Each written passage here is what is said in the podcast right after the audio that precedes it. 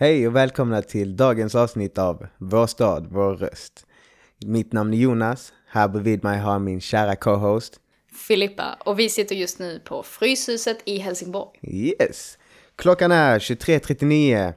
Dagen är den 20 april 2021. En tisdag.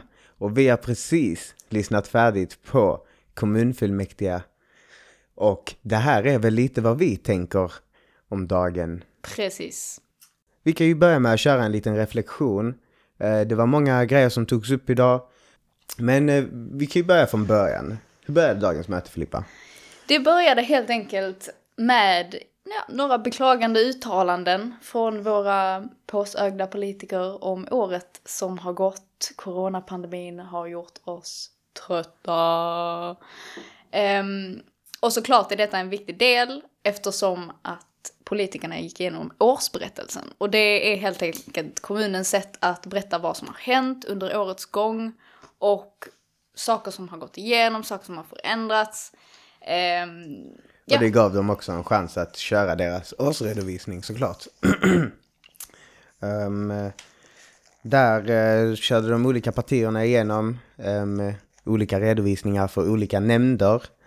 Ehm, bland annat så var det mycket snack om vad som året har gjort och hur svårt det har varit för de olika invånarna här i staden ehm, på olika sätt. Liksom vi har ju äldre som har blivit helt isolerade hemma. Vi har restauranger som har kämpat i för nöd och näppe. För att inte nämna de elever som har gått utan undervisning eller haft svårt med undervisning. Precis. De som har dött. Eh, Så det har ju onekligen varit ett tufft år. Eh, Och ja, politikerna belyser helt enkelt detta också. Ja, ehm, strax därefter så gick vi väl in i första interpellationen. Ja, det måste nog varit strax efter att Peter Danielsson tog upp det här om att eh, Helsingborg har gjorts till en tryggare plats under 2020 och att man har jobbat mycket med, tillsammans med polisen och bland annat skaffat fler ordningsvakter till söder. Ja, det är det som har gjorts för att göra Helsingborg till en tryggare plats. Kan ifrågasättas. Kan ifrågasättas. Och det ska vi inte här idag. Vi ville bara ta det lite snabbt så i förbipasserande. Men vi dyker in i den första interpellationen Let's go! som handlar om alkohollagstiftning och Den första- microcatering. Mm, precis. Uh, vad är microcatering Filippa? Microcatering är helt enkelt att restauranger får lov att köra hem alkohol eller att man kan köpa med sig alkohol från restaurangen när man, i samband med mat då. Och den som levererar alkoholen till ditt hem måste helt enkelt kolla ditt lägg. Och enligt den alkohollagstiftning vi har om man köper alkohol på restaurang så skulle detta också innebära att den som levererar alkoholen skulle behöva stanna och kolla liksom, medan du dricker den för att se så att du inte blir tillräckligt berusad. Ungefär som serveringspersonal på en restaurang. Precis. Och om man ska göra en liten rundown av vad de olika parterna i den här frågan tycker då, så har vi vänstern. Vänstern vill då alltså lyfta fram barn och kvinnors rätt i samhället. De nämner barnkonventionen till exempel, våld i hemmet och att detta är starkt sammankopplat med alkoholkonsumtion. Och att vi borde minska möjligheterna till att folk kan få hem alkohol. Ehm, och menar att det finns andra sätt att gynna restaurangbranschen, men vänstern presenterar inte riktigt några alternativ till detta. Ehm, och de ifrågasätter då att det inte fanns någon konsekvensanalys, vilket betyder att man sa inte men hur påverkar detta egentligen folk som bor i Helsingborg? Precis. Ehm, Alliansen, däremot, det finns inte längre någon allians. Finns det en allians? nej, utan det är vi väl borgerliga nu. Helsingborg har i alla fall fortfarande en allians av någon anledning. Och ehm, de tycker att detta är en tillämpad tolkning av alkohollagen. Alltså då att man får, Ehm, kan få alkohol hemkört. Och att man kan ändå köpa det på Systembolaget. Så varför ska man inte kunna köpa det av restaurangbranschen? Och de säger faktiskt också att det blir minskad konsumtion i och med att restauranger bara får sälja en viss mängd via hemleverans. Men detta är faktiskt inte sant, utan man får, att det ska, göras, det ska faktiskt göras en individuell bedömning på plats av den som levererar alkoholen. Ja, det finns ju inga alltså, bestämda två öl och ett glas vin. Det är max. Så, så, så nej, det, det är lite Lite diffust. Ja, precis. enkelt. Precis som serveringsreglerna i dessa väldigt tiderna. vagt ar- ar- argument där. Ska vi se här. Och vi är ju medvetna om att alkohol och våld är väldigt starkt sammankopplade. Eh, och det finns ett stort mörkertal, alltså med våld i hemmet nu i och med isoleringen. Eh, men vad säger du Jonas? Du jobbar ju på restaurang, precis som jag, om det här förslaget. Um, jag tror ju inte att det här är lösningen. Uh, jag vet själv att alltså, det är ju inte många som skulle vilja ha med coronan hem liksom och så utan... Det, Ölen alltså. Ja, precis, precis. det kan ju missförstås, precis. Ehm, utan som, som många partier tog upp och sa att det finns många andra sätt vi kan eh, hjälpa restaurangbranschen på. ehm, så håller jag med och det gör det. Ehm, ingen tog upp något om, av dem idag. Så jag tänkte att vi kan ju upp några stycken här. Eh, bara off the top of my head så har jag ju liksom Shoot. öppettider. Öppna upp. Liksom eh, att vi får ha öppet senare. Eh, hade ju hjälpt restaurangbranschen väldigt mycket. Det är ju dock ett förslag på regeringsnivå. Precis, precis. Men eh, Men till exempel hade de skattepengarna som går till att facilit eller så här, att göra hemleveransen enklare, hade kunnat gå till att ge restaurangerna resurser för att kunna göra restaurangen mer coronaanpassad, alltså sätta upp extra väggar, liksom så här kompensera för mindre gäster. Kanske, men kanske man kan göra någonting med uteserveringarna.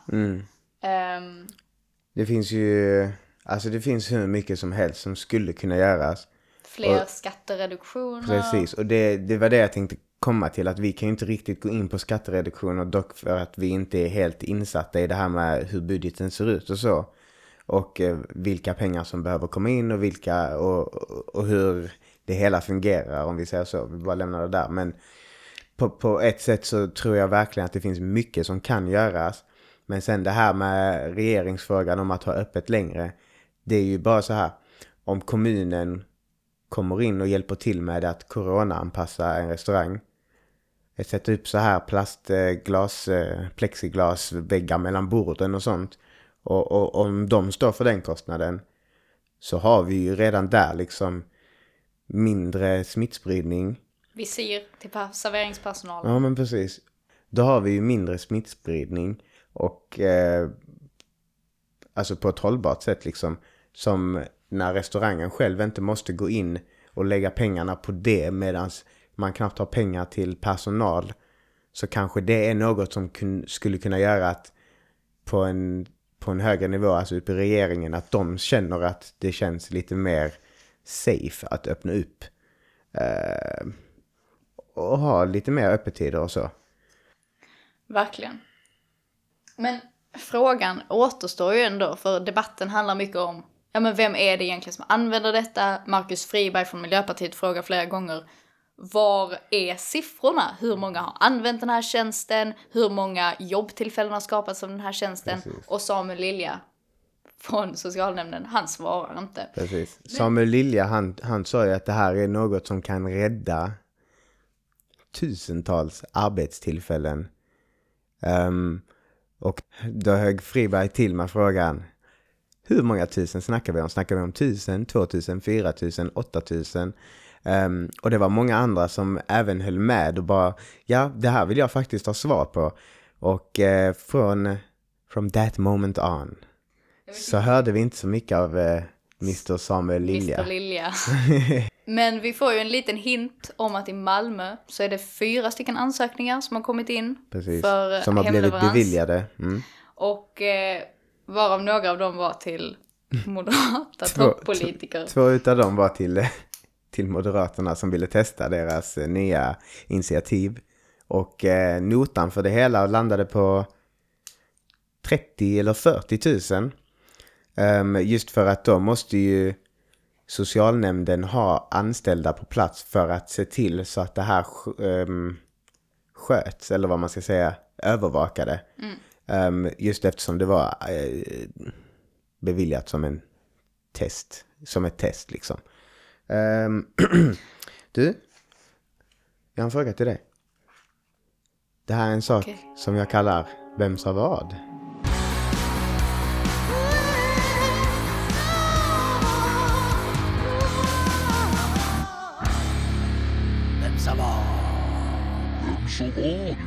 Ooh.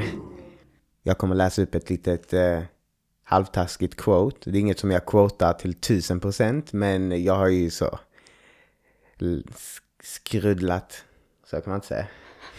Jag har ju skrudlat ner, jag säger det ändå. jag har skrudlat ner lite här. Um, och det här är en av dem som jag tyckte var lite så, hmm. Så vem tror du sa detta? Jag har svårt att se att om man beställer alkohol och mat, att det kan missbrukas. Men jag kan ha fel. Samuel Lilja! Ding, ding, ding, ding, ding! Helt rätt, helt rätt. Socialnämndens ordförande, Precis. ska tilläggas. Ehm, precis, och det sa han ju i samband med att uh, Fia Kamlund ehm, och hennes stora argument var ju då att liksom våld i hemmet, det är helt omöjligt att det hjälps på något sätt när man blandar in alkohol och speciellt när man blandar in det på ett så lätt tillgängligt sätt att man bara kan beställa hem det med käket. Och, och det var ju en av hennes stora liksom tankar i den här debatten att liksom det, det, det är inget som kommer att nyttja restaurangen så pass mycket så att vi ska kunna ta den risken att låta våldet i hemmet växa och bli mer än vad det redan är. För vi har ju ett stort problem med det, det vet vi Ehm, Ja, och detta är ju liksom, det spelar ju ingen roll vem som använder det. För att, oavsett vem som använder det, om det är 50 plus-gänget som kollar HIF och sen går ut och är aggressiva på gatan eller om det är Ingrid, 52, som vill ta ett vin till sin, sitt anklår när hon kollar Desperate Hives- Housewives på fredag kväll precis. så finns ju ändå möjligheten där. Så när Samuel Lilja säger att jag tror inte det kommer missbrukas så vet han ju faktiskt inte. Helt rätt. Okej, innan vi går vidare, då vill jag bara fråga. Micro catering, hiss eller diss? Ja, Jag tror nog att microcatering gynnar ju inte restaurangen jättemycket. Eh, kanske en liten bit, en liten del. Men det finns andra åtgärder som hade kunnat vidta, vilka, några av vilka vi nämnde tidigare. Precis. Så diss. Alright, då går vi vidare. Next topic on the menu. Marköverlåtelse. Mm. Filippa, vad är marköverlåtelse? När man snackar kommunalt språk så är det alltså kommunal mark som ska antingen överlåtas, alltså köpas upp av till exempel ett företag för att användas till ett speciellt syfte. Till exempel bygga bostäder eller någonting sånt va. Ehm, och ja, det var snack om vissa olika typer av eh, mark, något på Pålsjö, något på Maria Park. Eh, och anledningen till att detta är intressant, det är ju för att den här eh, om, om till exempel kommunen vill göra någonting stort som att bygga ett sjukhus så måste de köpa tillbaka mark om de redan har sålt den. Och eh, ja, Ja, men det var ju lite det de sa att det här är en väldigt stor grej. Något som är väldigt värt att diskuteras noggrant. Just för att vi sitter på ett fyraårsmandat. Eh, och när jag säger vi menar jag dem. Rent ut sagt kommunstyrelsen, liksom den som eh, är invald nu. De sitter på ett fyraårsmandat. Och det här är något som gäller framtiden på ett långsiktigt sätt. Alltså 100-200 år i framtiden kommer den här marken ju ändå att vara uppköpt om vi inte köper tillbaka den direkt liksom. Jag tycker att det är så många konstiga och svåra begrepp i den här kommunfullmäktige. Så jag tänkte att vi kör tre snabba om kommunpolitik. Jonas, vad är skillnaden mellan kommunfullmäktige och kommunstyrelse? Skillnaden mellan kommunfullmäktige och kommunstyrelsen är ju då att kommunfullmäktige är det högsta beslutande organet, alltså som riksdagen i kommunen. Då har vi i Helsingborg 65 ledamöter som väljs av invånarna var fjärde år. Och här eh, argumenterar partierna om sina olika grejer. Eh, som de vill, typ liksom mycket det här med budget och så. Ehm, och eh, kommunstyrelsen utses av det kommunfullmäktiga. Tar fram budgetförslagen som sen argumenteras om i kommunfullmäktige.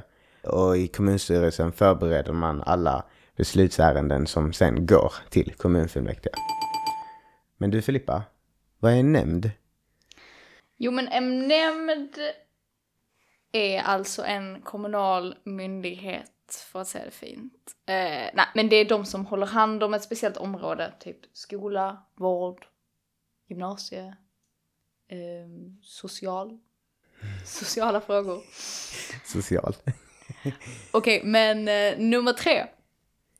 Varför togs inte alla interpellationer upp idag? Mm. Lite backstory på den. Um, vi satt med ett helt gäng interpellationer idag. Sen uh, mitt i allt så ströks 7 till 13, uh, sex interpellationer um, som lagts ned, uh, eller de lades fram. Och, det betyder att de skjuts fram. Precis. Um, varför gör man så? Jo, för att på de här mötena så har man två timmar per interpellation. Eh, det är den utsatta tiden. Och om man skulle lägga så pass mycket tid på alla så hinner man inte ta igenom det. Så då kör man att man skjuter fram det till nästa. Och det är därför vi sitter nu med saker som eh, yrkades för tre, fyra månader sedan eh, och, och diskuterar det idag. Eh, som det med microcatering. Det är något från fyra månader sedan om jag minns helt rätt. Och sen har vi också vissa personer som bara snackar för mycket. Marcus Friberg. Vi går över från snabbt till långsamt. För en långsam debatt var nästa och det var helt enkelt Business Improvement District. Precis. Och BID. detta är en väldigt känd, som jag har förstått det, modell av hur man utvecklar stadsdelar. Eh, har funnits i många olika länder, många olika städer innan. Eh, det är ju då sossarna som tar upp detta och de tycker att Söder kräver en egen modell för stadsutveckling. Tycker då att, eh, det, att utvecklingen på Söder ska komma nerifrån och upp, gräsrötterna ska frodas. Det är ursprunget eh, i det lokala och eh, syftet med det här BID är då att liksom öka samverkan mellan kommunen, olika aktörer, eh, affärer. Ja, me mellan kommunen och privata aktörer eh, för att göra platsen till en tryggare och mer frodande miljö.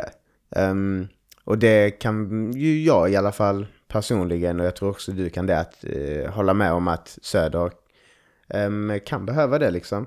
Ja, och någonting som tilltalar mig mycket är ju just det här nerifrån och upp. Liksom, vi behöver ju att medborgare i Helsingborg får en plattform där de kan bygga upp staden, för det är faktiskt vår stad. Mm. Det är vår stad och inte politikernas stad. Istället för att det ska vara projekt som kommer uppifrån och ner. Precis. Eh, Christian Norsing, eh, moderat, eh, Ehm, menar att något som ökar tryggheten på Söder är superviktigt.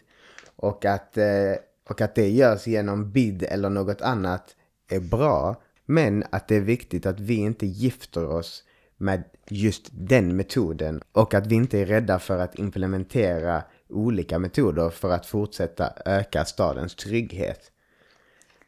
Även Miljöpartiet tycker att det finns bättre modeller. Men det är inte riktigt tydligt vilka modellerna de här är. Um, och Socialdemokraterna och Vänstern är ju då såklart för det här förslaget. Mm. Som sagt, det är ju en samverkan mellan staden och privata aktörer.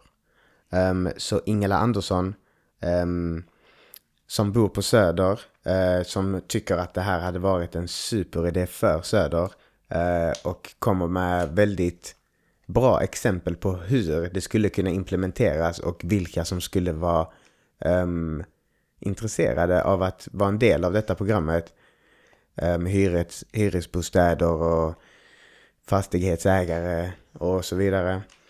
Uh, tycker jag att uh, det är bra men hon tycker även att Norsing är oförskämd när han um, säger att Ingela och S använder BID som en reklam för Malmö och hur det har gått där eftersom det är ett stort exempel i den här debatten eftersom det har använts i Malmö och det har fungerat jättebra. Möllevången Precis.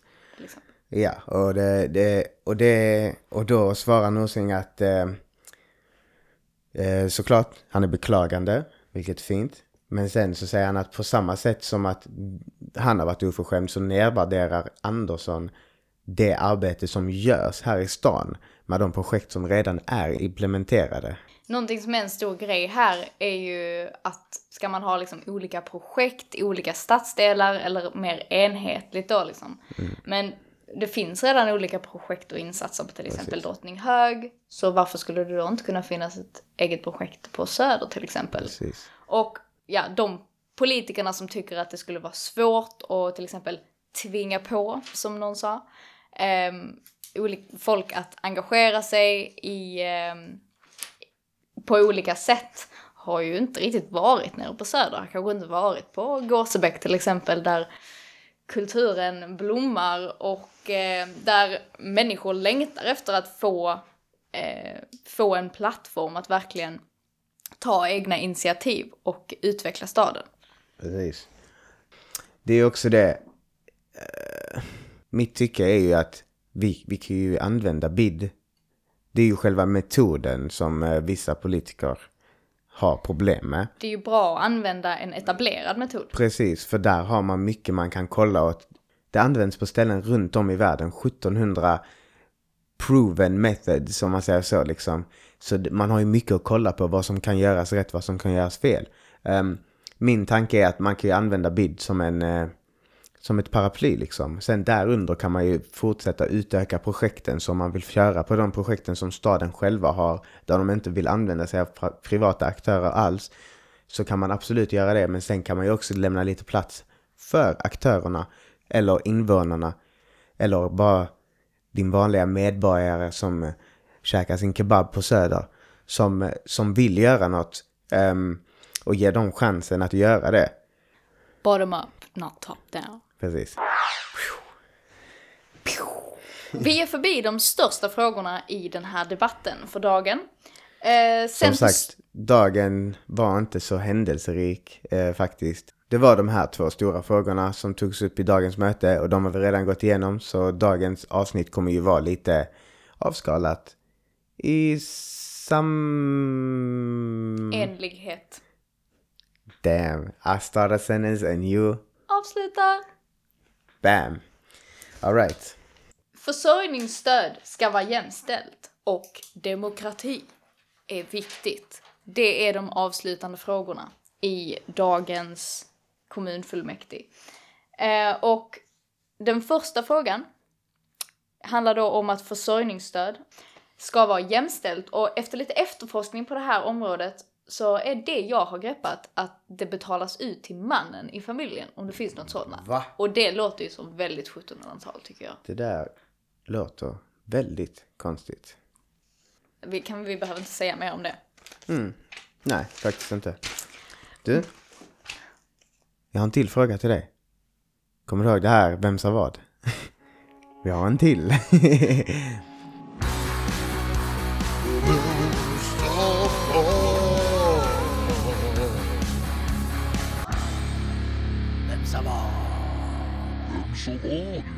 Alright. Um, den här var rolig. Precis som jag sa. Uh, ja, vem var det nu igen? var, det, var det han? Eh, det var han, soci, socialdemokraten. Eh, tyvärr, tyvärr. Det var Julia Persson. Ehm, vem sa detta?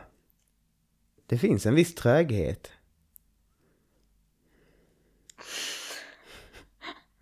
Nej, den har jag missat. Peter Jansson. Och så sista här. Vi pratar ju nästan samma språk allihopa. Det var, eh, var han... ehm, Åh, Christian. Lasse. Lasse! Lars Hansson sa det. Och du, han har helt rätt. Vi pratar ju nästan samma språk allihopa. svenska.